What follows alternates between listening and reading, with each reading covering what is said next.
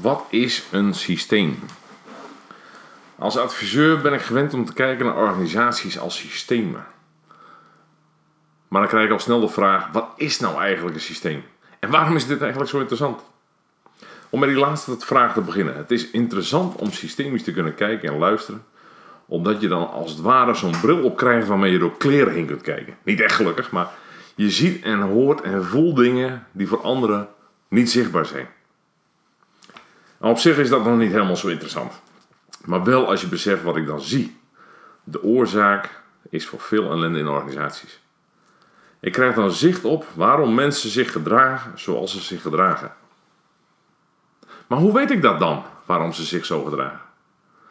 Om dat uit te leggen, even een klein beetje theorie. Wij mensen zijn uiteindelijk niks meer en niks minder dan energie.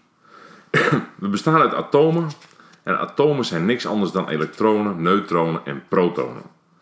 En wat Einstein al laat zien via, met zijn formule ESMC reageert energie volgens wetmatigheden. En een van die wetmatigheden is bijvoorbeeld de wet van aantrekking van gelijksoortige energieën. In de volksmond noemen we dat ook wel soort zoek soort. Als mensen bij elkaar komen, zoals in een organisatie, reageren al die energieën op elkaar. En dat gebeurt op basis van wetmatigheden.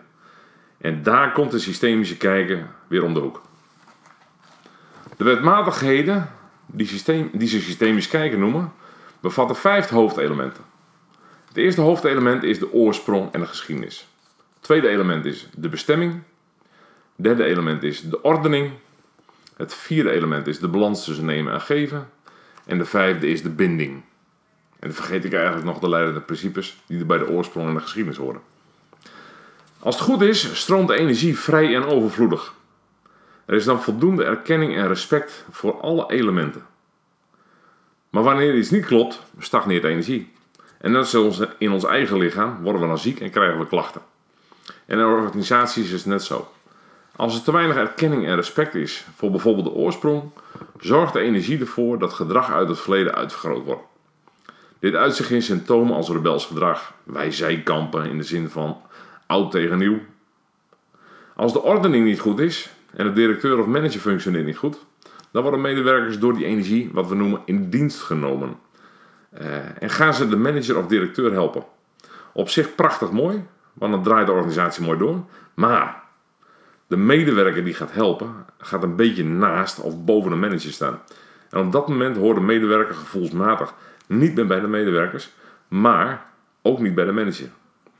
De medewerker komt dan eigenlijk alleen te staan. Voor even is dat niet erg. Maar als dat lang duurt, verzuipt de medewerker. Hij voelt zich alleen, doet extra werk voor de manager na zijn eigen werk, maar krijgt hij geen erkenning voor. Je kunt je voorstellen, deze medewerker gaat zich steeds minder plezierig voelen.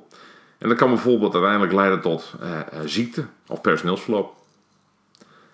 Met systemisch kijken zijn we dus in staat dit soort patronen te zien en daardoor kunnen we snel ingrijpen voordat het te laat is. De organisatie wordt dan weer krachtig en vitaal, omdat iedereen op zijn goede plek gaat staan en zijn werk volledig en vol verantwoordelijkheid gaat doen. Met alleen bedrijfskunde was deze medewerker niet geholpen en de organisatie ook niet. De problemen hadden zich dan zo ver opgestapeld dat de organisatie verzwakt.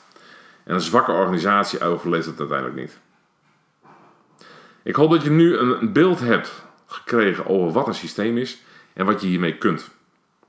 Mocht je nieuwsgierig zijn geworden, in oktober komt ons boek RTFM uit.